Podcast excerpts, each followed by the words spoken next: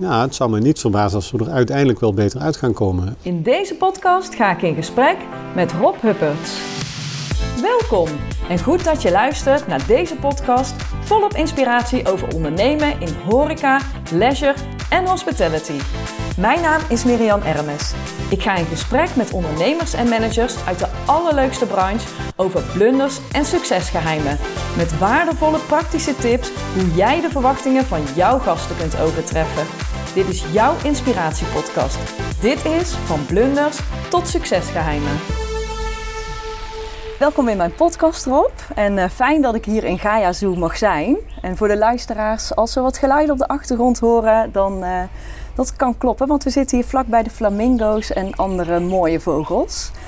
Um, ja, en fijn dat je te gast wil zijn in mijn podcast van blunders tot succesgeheimen. Ja, heel graag. Uh, leuk. Het is een prachtige dag. Eindelijk weer mensen in de dierentuin bezoek.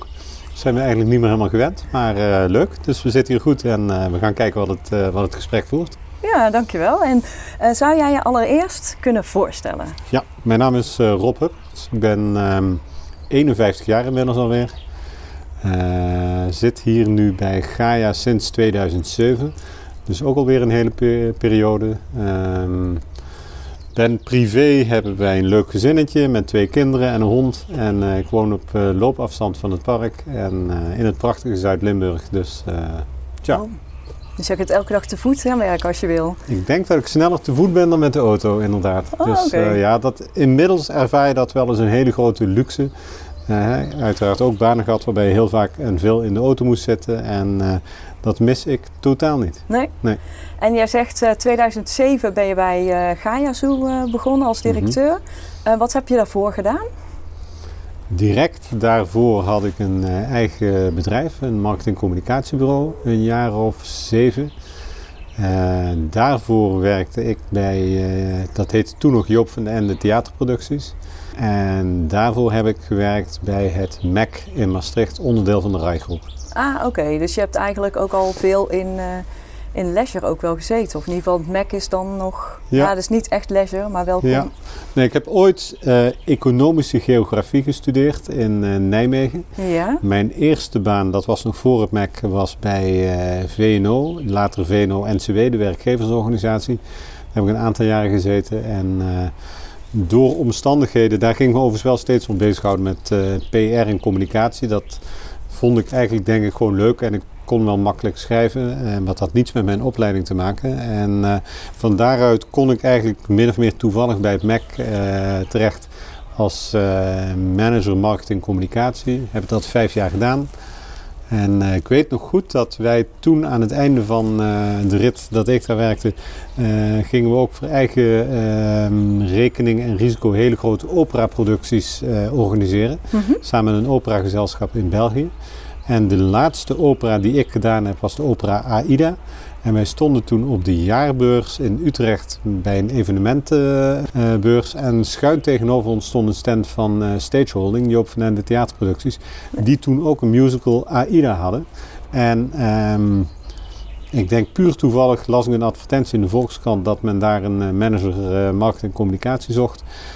Ja, en dat Aida-verhaal was eigenlijk te grappig. Dus ik heb ook toen inderdaad een brief gestuurd en het programmaboek van onze opera AIDA meegestuurd bij mijn sollicitatiebrief. En uh, mocht toen uh, bij Joop op gesprek komen. En nou ja, uiteindelijk ben ik dat uh, geworden. En toen ging ik van Maastricht naar het Amsterdamse. En nou ja, ah. zo is mijn leven eigenlijk altijd een beetje ja, zo'n pad wat je voor, van tevoren niet uitstippelt, nee. maar wat je ergens naartoe voert. Maar jij zegt, uh, want je had commerciële ge economische, sociaal-economische geografie, zo heette dat, ah, in okay. Nijmegen. In ja. Nijmegen. En dat komt nu wel van toepassing dan, of niet? Um, ja, uiteindelijk uh, komt het allemaal wel een beetje terug. Maar ik zeg maar altijd, als je directeur van een dierentuin uh, wil worden, is dat zeker niet het traject wat je zou moeten gaan studeren. um, maar ja, zoals gezegd, uh, je komt ergens terecht. Het is ook wel grappig, want er zijn uiteindelijk maar elf mensen in Nederland die mijn beroep hebben. Als directeur van een grote dierentuin. Mm -hmm. En um, inmiddels, kijk toen ik begon 14 jaar geleden waren daar ook nog best veel biologen bij. En mensen met een dierenartsachtergrond. Tegenwoordig zijn het eigenlijk alleen maar mensen met een bedrijfseconomische achtergrond. We zijn ook allemaal ongeveer even oud. hebben allemaal een vergelijkbare opleiding achter de rug. En, want het zijn natuurlijk gewoon bedrijven die je moet leiden. Ja. En, terwijl het voorheen was het heel vaak echt vanuit de dieren geredeneerd.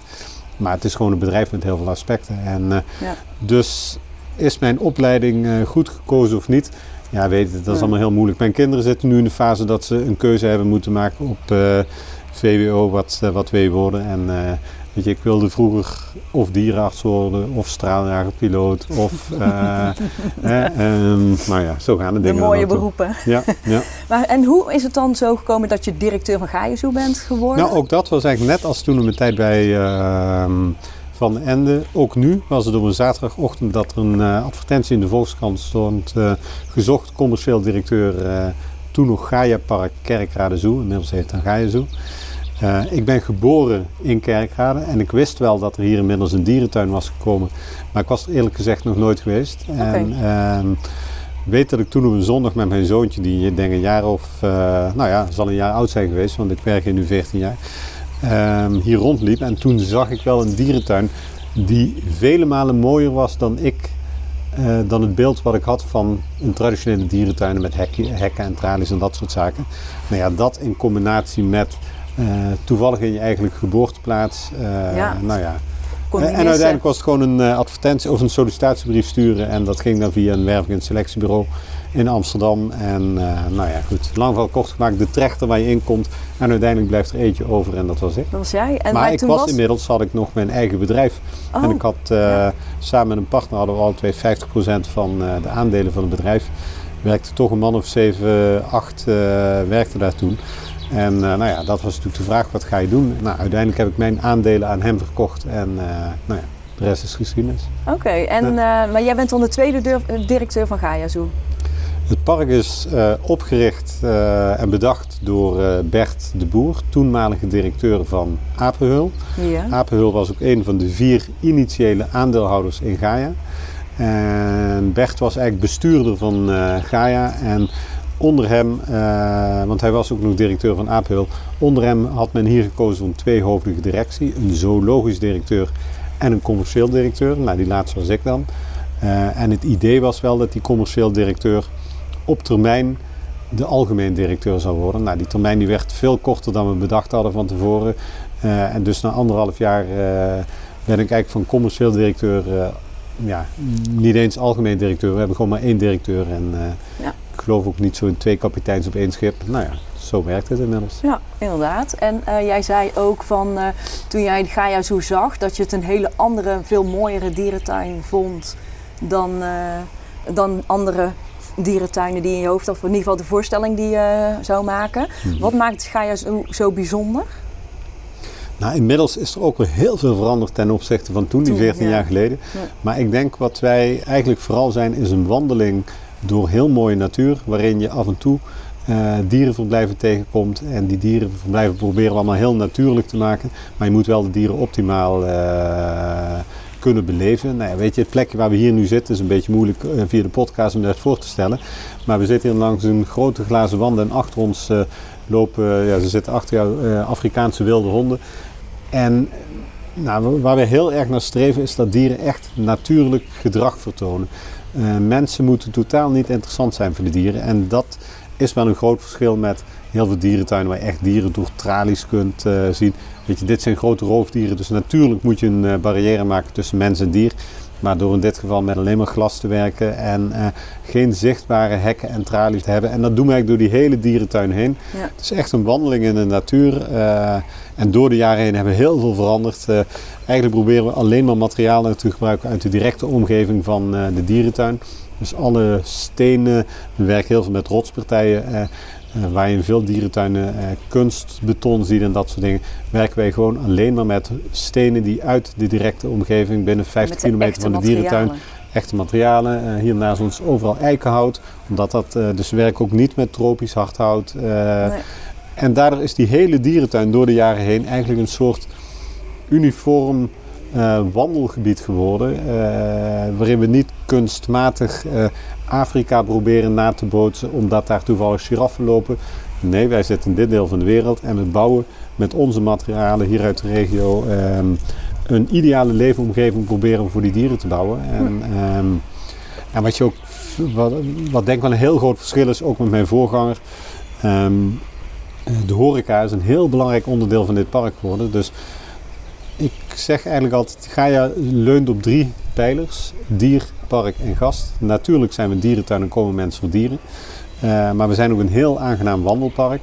En alles draait om de gasten. Dus in verhouding tot... Uh, uh, maar dat is ook wel aan het veranderen. Maar je ziet nog steeds heel veel dierentuinen waarin de horeca een soort van sluitpost is. Waarin je een tompoes en een sausijzenbroodje krijgt. Uh, en vooral veel uh, goedkoop en uh, nou, junkfood. Nou, daar zijn we helemaal van afgestapt. We zitten hier in, bij onze Savanne Lodge. Dat betekent dat je hier echt in de sfeer van Afrika ook gerechten krijgt die daarbij passen. We zijn op dit moment aan het bouwen een Pampa Lodge. Nou, dat is echt Zuid-Amerikaans eten. Daar komt een hele mooie houtskool over in waarin je vers gebakken empanadas en quesadillas en dat soort dingen allemaal kunt gaan uh, eten. Uh, met de koffie uit dat deel van de wereld, de thee uit dat deel van de wereld, de wijn uit dat deel van de wereld. Ah. Dus ook echt een horeca-ervaring. Uh, en, dus die horeca is echt belevens, of belevingsverhogend hier in het park? Ja, dat vind ik echt heel belangrijk. Dat nou, ik zeg wel eens gekscherend, ook als je niets met dieren hebt, zou je toch een abonnement op deze dierentuin kunnen nemen. Omdat het zo'n leuke uh, wandeling door de natuur is en omdat die horecapunten zo bijzonder zijn. En uh, eigenlijk bij elk nieuw ding wat we bouwen, uh, roep ik ook steeds, nou ja, dit is gewoon het mooiste terras wat we in het park hebben. Maar dat zeggen we elke keer als we iets nieuws bouwen. en, maar dat moet het ook echt zijn. Als bezoeker moet je echt denken, nou ga ik vandaag voor die Afrikaanse sfeer waar we hier zitten met uh, 500 flamingo's uh, aan je linkerkant. Of ga ik vandaag naar uh, ons Limburgs thema restaurant waar je authentieke Limburgse gerechten kunt krijgen. Waarin we Limburgse wijn serveren. bier van een lokale brouwerij en dat soort dingen. Dus daar geloof ik heel erg in. Oké, nou super mooi. Dus je hebt ook echt uh, unieke werelden gebouwd waarbij alles eigenlijk in geïntegreerd is. Ja, waarbij die werelden dan niet kunstmatig, uh, een Afrikaans hutje of een uh, Zuid-Amerikaan. Weer altijd dezelfde materialen, maar je zit in een ander gebied en er lopen andere dieren rond. En uh, in het ene gebied gebruiken we, hè, zoals hier, grote grijze keien en stenen. In een ander gebied kiezen we wat meer voor een beige-achtige tint of zo. En de beplanting laten we aansluiten op dat gebied. Maar we gaan geen thematisch. We zijn geen Efteling uh, om thematisch dingen na te bouwen. Zo. Dat, nee, dat doen we niet. precies. Nee, nee, nee. Dus de, de, omgeving van hier is wel gewoon heel belangrijk. De, ja, en het is eigenlijk heel egoïstisch. Uh, eigenlijk dat wat we zelf en uh, ik, zei de gek, vooral ook mooi vindt, dat bouwen we. En, en doordat het een consequente gedachte is, is het één sausje. En nou ja, we winnen af en toe wel eens prijzen als mooiste, beste of leukste dierentuin. Dus op de een of andere manier zullen mensen het ook wel uh, waarderen. Ja, want dat, uh, als ik kijk naar je allerleukste gast bijvoorbeeld, kan je die omschrijven wie jouw allerleukste gast is?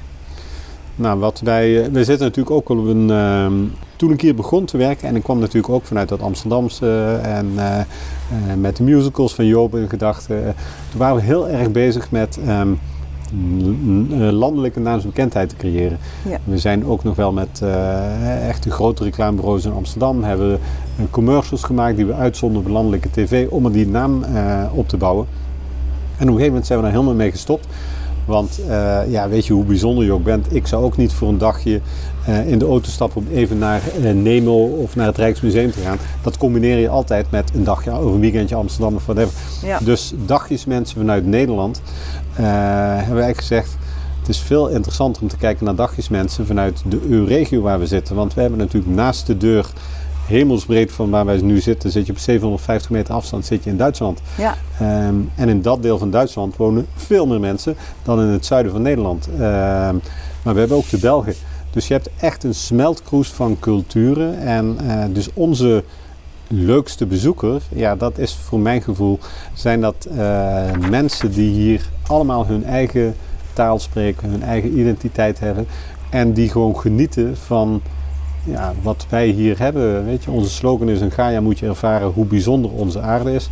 En dat is het uitgangspunt. En als je dan kijkt, want je hebt dan de Duitse gast uit de buurt, je hebt de Belgische gast uit mm -hmm. een bepaalde omgevingscirkel, mm -hmm. denk ik dan. Mm -hmm. En uh, dus Duitsland, Belgische en Nederlandse. Um, zie je daar verschillen in? Ja, ja absoluut. Het, uh, kijk, commercieel heb ik het liefst de Belgische gasten.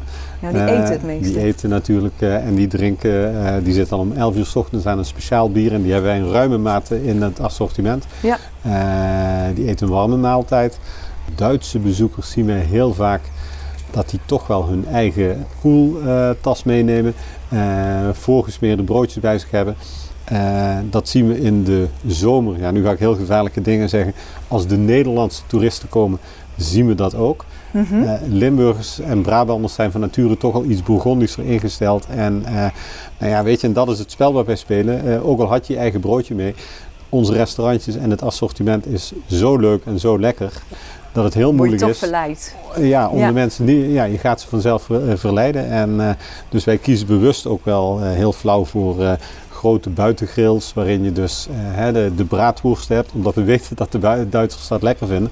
En, dat is niet flauw toch? Dat is gewoon verleiden van je gast. Ja, ja. Nou ja dus, en buiten wafels bakken, omdat je weet dat dat lekker ruikt, ja. dat soort dingen. Dus dat doen we natuurlijk wel, maar vooral de terrasjes moeten zo uitnodigend zijn dat je daar toch je tweede kopje koffie gaat pakken. En uh, daar zijn we nog, de lat ligt nog veel hoger dan wat we nu doen, maar dat is wel echt het pad waar we, waar we, waar we ingeslagen zijn. Ja, want als je dan kijkt naar je gasten, waar komen ze dan speciaal voor? Nou, ik hoop in toenemende mate dat mensen ook gewoon komen omdat we zo'n mooie wandelomgeving zijn, omdat we zo'n aangenaam park zijn. En um, weet je, we hebben natuurlijk jarenlang, uh, logisch, we zijn een jonge dierentuin, uh, elk jaar wel iets van dieren aan de collectie toegevoegd. Maar ik kan me voorstellen dat we daar langzaam uh, dat we dat steeds minder gaan doen en dat we gewoon echt nog meer in de details gaan zitten om die gastgerichtheid uh, op een nog veel hoger uh, pijl te krijgen. En mm -hmm. um, de tijd, nou ja, laat ik het zo zeggen, ik word daar niet gelukkig van als ik door een dierentuin loop waarin ik achter elkaar een hok krijg met diertje A en daarna diertje B en daarna diertje C. een soort postzegelverzameling ik kijk veel liever naar dieren die heel veel ruimte hebben en die heel natuurlijk gedrag vertonen. Ja. Uh, en kan daar lekker een biertje bij drinken uh, of een broodje eten. Ik denk dat dat. Ja, meer een moment uit dan, of in ieder geval, ja, ja. wat je zegt, een wandeling, dan dat ze echt komen om dier A, B, C, ja. weet ik veel wat. En af te vinken en dat soort dingen. En natuurlijk is dat uh, belangrijk. Maar kijk, al die Nederlandse dierentuinen zijn op dit moment, en als het goed is ook wereldwijd, we zijn echt met z'n allen af aan het stappen van het oude verhaal van de verzameling met zoveel mogelijk soorten. Ja. Je gaat nu echt naar steeds minder soorten en de dieren die je houdt ga je een veel groter verblijf uh, gunnen. Hè, de bekende, uh, het kleine leeuwenverblijf in Artes, Ja. de bezoeker accepteert het ook niet meer. Nee. En, en we hebben eigenlijk een heel simpel criterium, dat is niet heel wetenschappelijk, maar als jij als bezoeker of als ik zelf voor een dierverblijf sta en ik heb het idee, mwah, dieren zitten er zielig bij, dan hebben we het niet goed gebouwd. Nee. Het kan altijd beter, maar um, er zijn niet meer heel veel ver, uh, verblijven in de dierentuin waarvan ik denk, nou ja, daar moet, die moet echt dringend op de schop. In deze dierentuin? In deze dierentuin, ja. ja. Nee. En um, als je dan kijkt, hè, je gast die komt dan speciaal voor de mooie omgeving en voor uh, een mooie wandeling. Mm -hmm. Natuurlijk een beetje eten, drinken. Ja. En wat gun jij hen, hem of haar eigenlijk? Wat gun je je allerleukste gast? Nou, ik vind in ieder geval dat ze altijd iets slimmer naar buiten moeten lopen dan dat ze binnen zijn gekomen. Uh, want ook educatie is natuurlijk een heel belangrijk onderdeel. Mm -hmm. Weet je, corona laat natuurlijk als uh, niets anders zien hoe zeer de druk is van overbevolking op uh, de aarde. En we moeten met z'n allen gewoon, nou dat is echt ons doel. Wij willen mensen laten ervaren hoe bijzonder dat hier is. En hoe overtref je dan eigenlijk de verwachting van jouw gasten? Nou, dat is wel grappig dat je zegt, want uh, under promise, over deliver, dat is wel zo'n ding, daar geloof ik heel erg in. Uh, als je denkt dat je alleen maar naar een dierentuin gaat, dan denk ik, nou dat meten we overigens ook, hè, want we vragen dat mensen bij naar buiten gaan en dan horen we heel vaak als opmerking dat uh, het eigenlijk veel mooier was dan men uh, verwachtte. Uh, je hebt toch een bepaald beeld, denk ik, bij een dierentuin. Nou ja, dat had ik zelf ook hè, toen ik hier begon te werken. En dan zie je eigenlijk, oké, okay, zo kan het ook. Um, nou ja, en dat is wat we proberen te doen. Ja, mooi. Um, het is nu 2026. Oké. Okay. En hoe kijk je dan terug op de afgelopen vijf jaar? Nou, ik mag dan toch hopen dat we dan niks meer met corona-ellende van doen hebben. Uh, hoewel ik dat overigens niet verwacht. Ik uh, vrees dat dit wel echt een ding is waar we gewoon mee gaan leren leven. Uh, de lockdowns die zullen hopelijk wel voltooid verleden tijd zijn als we allemaal de goede vaccins hebben gekregen. Mm -hmm. De vraag is altijd of dat, weet je, Gaia is de naam van een theorie, de Gaia-theorie. En die theorie die gaat er eigenlijk vanuit dat de aarde zichzelf, dat is één soort superorganisme wat zichzelf steeds ontwikkelt en verbetert. Ja. En uh, zo'n virus is natuurlijk een heel mooi voorbeeld, uh, want dat heeft maar één doel: sterker worden en constant muteren in een dusdanige vorm dat je weer niet geveld wordt door die vaccins die wij als mensen ontwikkelen. En laten we dan maar hopen dat dat virus niet al te slim is. maar daar maken we nog wel serieus wat zorgen over. Okay. um, dus jij kijkt hem echt vanuit de ja, natuur? Ja, nou, ik vrees dat. Um, ja, misschien is het wel zo. Uh, kijk, corona heeft ook heel veel goede dingen gebracht. Door corona moesten wij, of moeten wij, als we straks ook weer open gaan, moeten we werken met online reserveren. Het is bijna grappig als je bedenkt dat wij, laten we zeggen, ruim een jaar geleden, dan was de Weer-app, dat was onze indicator hoeveel mensen gaan we inhuren. Als zondag mooi weer voorspeld wordt, nou, laten we er zeker maar 10 uitzendkrachten extra plannen. Um, want uh, stel je voor dat het heel druk wordt. Nou ja, met de nieuwe wetgeving mag je die uitzendkrachten, um, moet je minimaal drie dagen van tevoren moet je tegen ze zeggen of ze wel of niet uh, mogen komen werken. Dus eigenlijk uh, gooiden wij die token helemaal vol met uitzendkrachten. En dan ging de poort open en dan keken we wat gaat er gebeuren. En was het mega stress of hadden we toch niet goed gepland.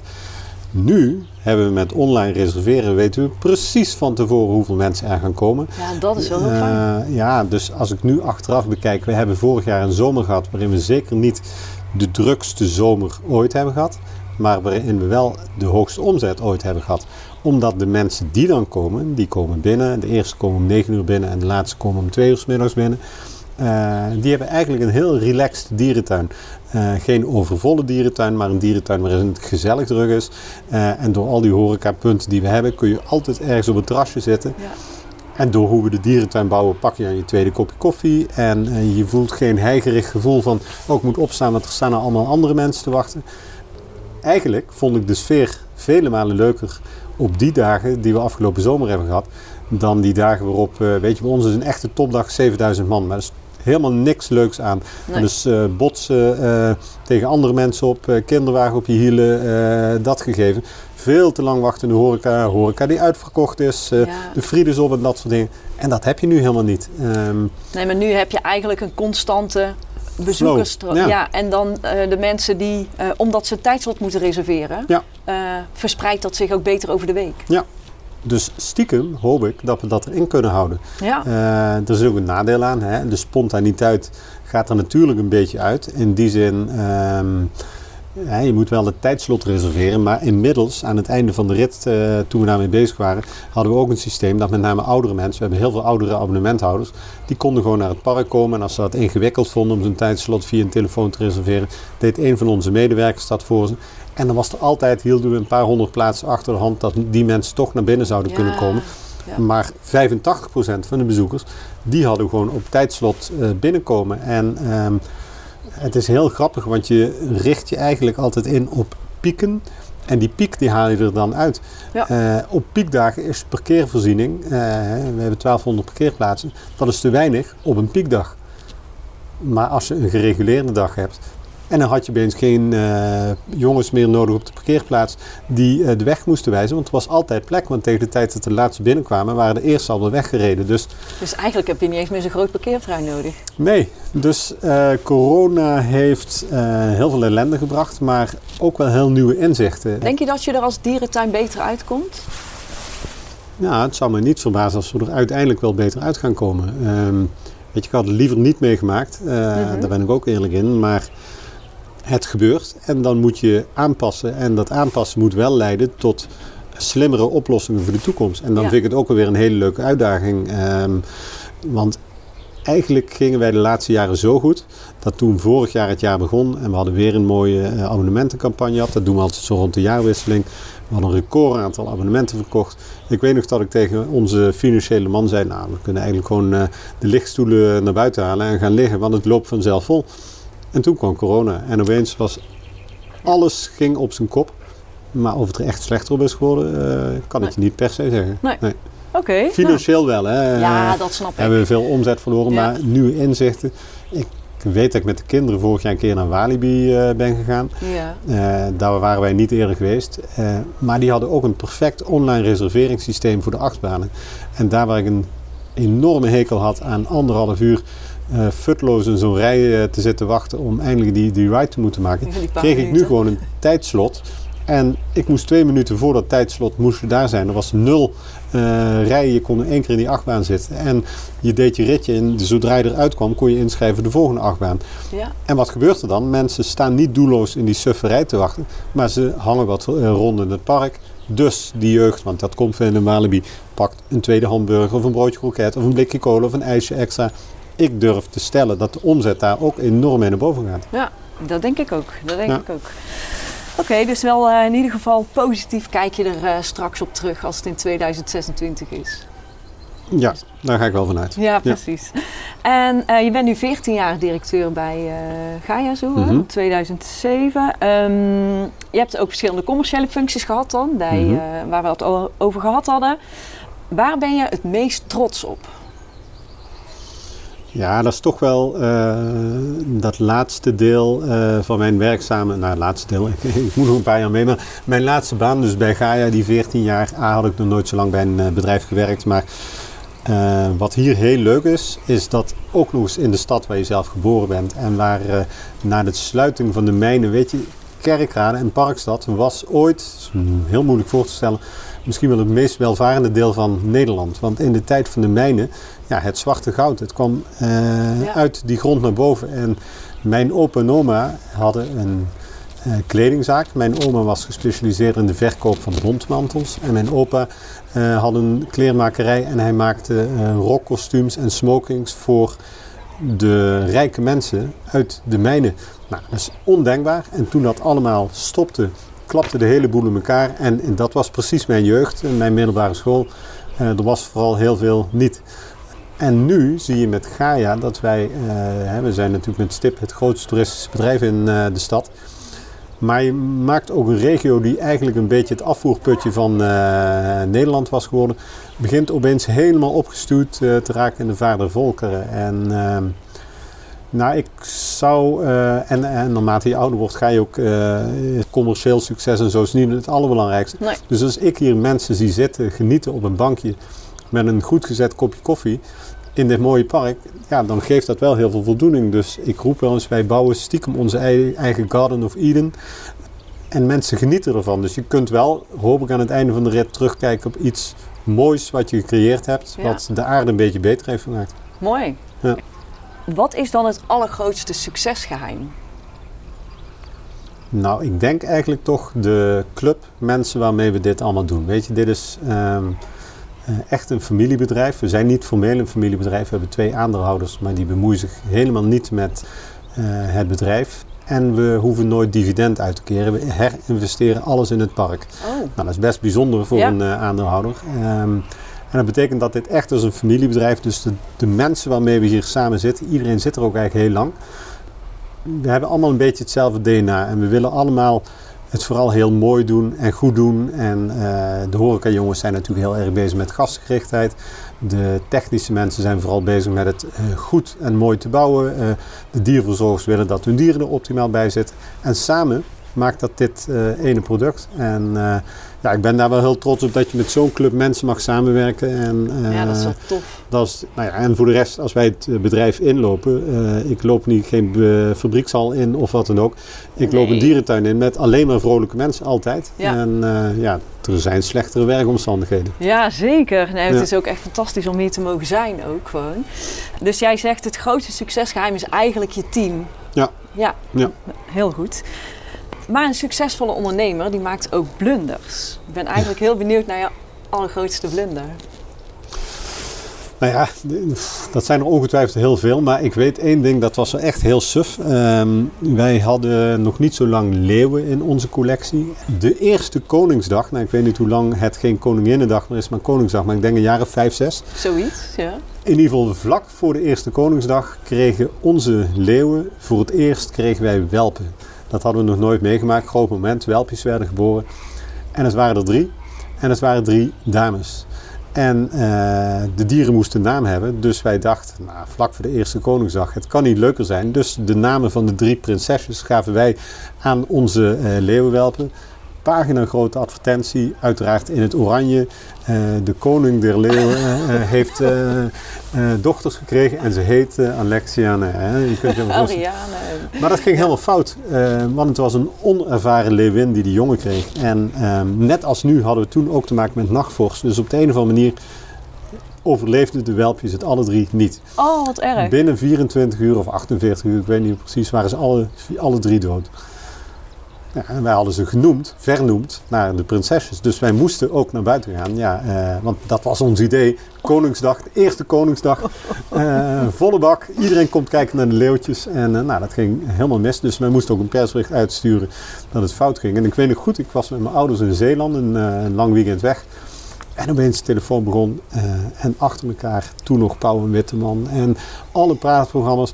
Of ik daar wilde komen. Want de Telegraaf had een kop koningin eet drie prinsesjes op. Want Oh, dat deed die leeuwin omdat de dieren dood waren. Natuurlijk gedrag. At ze die jonge beestjes op, omdat, hè, dat doen ze in vrij natuur ook, omdat ze niet willen dat dan de hyena's of wat dan ook de dieren komen. Nou, dus de kop was, eh, uiteraard op zijn telegraaf, er werd gesuggereerd dat de drie prinsesjes eh, vo- dood waren en opgegeten waren door hun eigen moeder. Maar verschrikkelijk. Dat was, wij zullen nooit meer dit soort dingen doen. Nee, en, oh eh, ja, ik en ik heb nog officieel een brief gekregen van eh, eh, Koningshuis eh, wat, hoe het nou precies zat. En wat er gebeurd was, dus ik heb hun ook een brief gestuurd. Ik was al een keer uitgenodigd voor lunch bij Willem-Alexander en, eh, eh, en Maxima in Noordeinde. Dus ik kon een beetje refereren naar ja, Oh, mea oh, culpa, oh, super stom. oh. Maar die zullen we niet snel meer doen. Ik zo. wou zeggen, wat heb je ervan geleerd? Dat, Nee, eh, dat de natuur altijd dingen anders doet dan dat je zelf eh, bedacht hebt. En dat wij als mens niet eh, daar al te veel in moeten ingrijpen. En dat is eigenlijk de, de wijze les. Ja. het is wel echt een hele mooie les, hoor. ja, het was heel pijnlijk. Ja. Oh, oh, oh. En heb je een advies aan de luisteraar? Ja, een advies, eh, nou dat is een beetje een cliché, maar eh, doen waar je zelf in gelooft, dat is toch wel eh, het hele verhaal. Weet je, ik zei er straks, ik heb een, ooit een studie gedaan. Ik was een middelbare, middelmatige leerling en ik kon wel redelijk goed leren, maar ik had er nooit heel veel zin in. Dus een 6 was voor mij prima.